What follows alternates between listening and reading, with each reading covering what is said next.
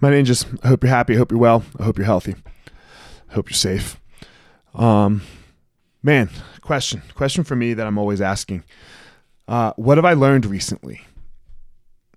What, where, where have I tried to level up recently? Um, it, it's such an important question for me when, when I go through my day and I try to figure out what my future is going to look like. Because I know that if all I know in a year is what I know now, I, I just wasted my time, right? I, I just wasted my time. So, um, part of this whole idea of finding your power is is has to be an idea of learning and of challenging. You have to be learning. You have to be reading. You have to be, um, for us jujitsu uh, practitioners, you have to be a white belt, right? You have to be a beginner at something always, and and it doesn't mean that you can't be an expert in in other things. That's great. Good for you. You're an expert. But you you you have to literally come at everything. You have to have some not everything sorry. You have to have something in your life where you have that white belt white belt mentality where you don't know it. You're very unskillful at it and you are trying to be more skillful.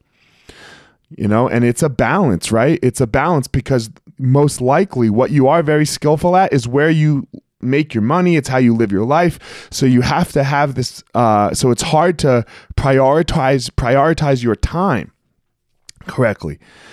But you might just have to schedule it right? You might just have to schedule. This is my learning time. There's no other option. Here we go. I'm learning right? This is this is not my time to learn and you know it every week, every day, whenever that is, you know, however often you want to do it, you have to have learning time. You have to have white belt time.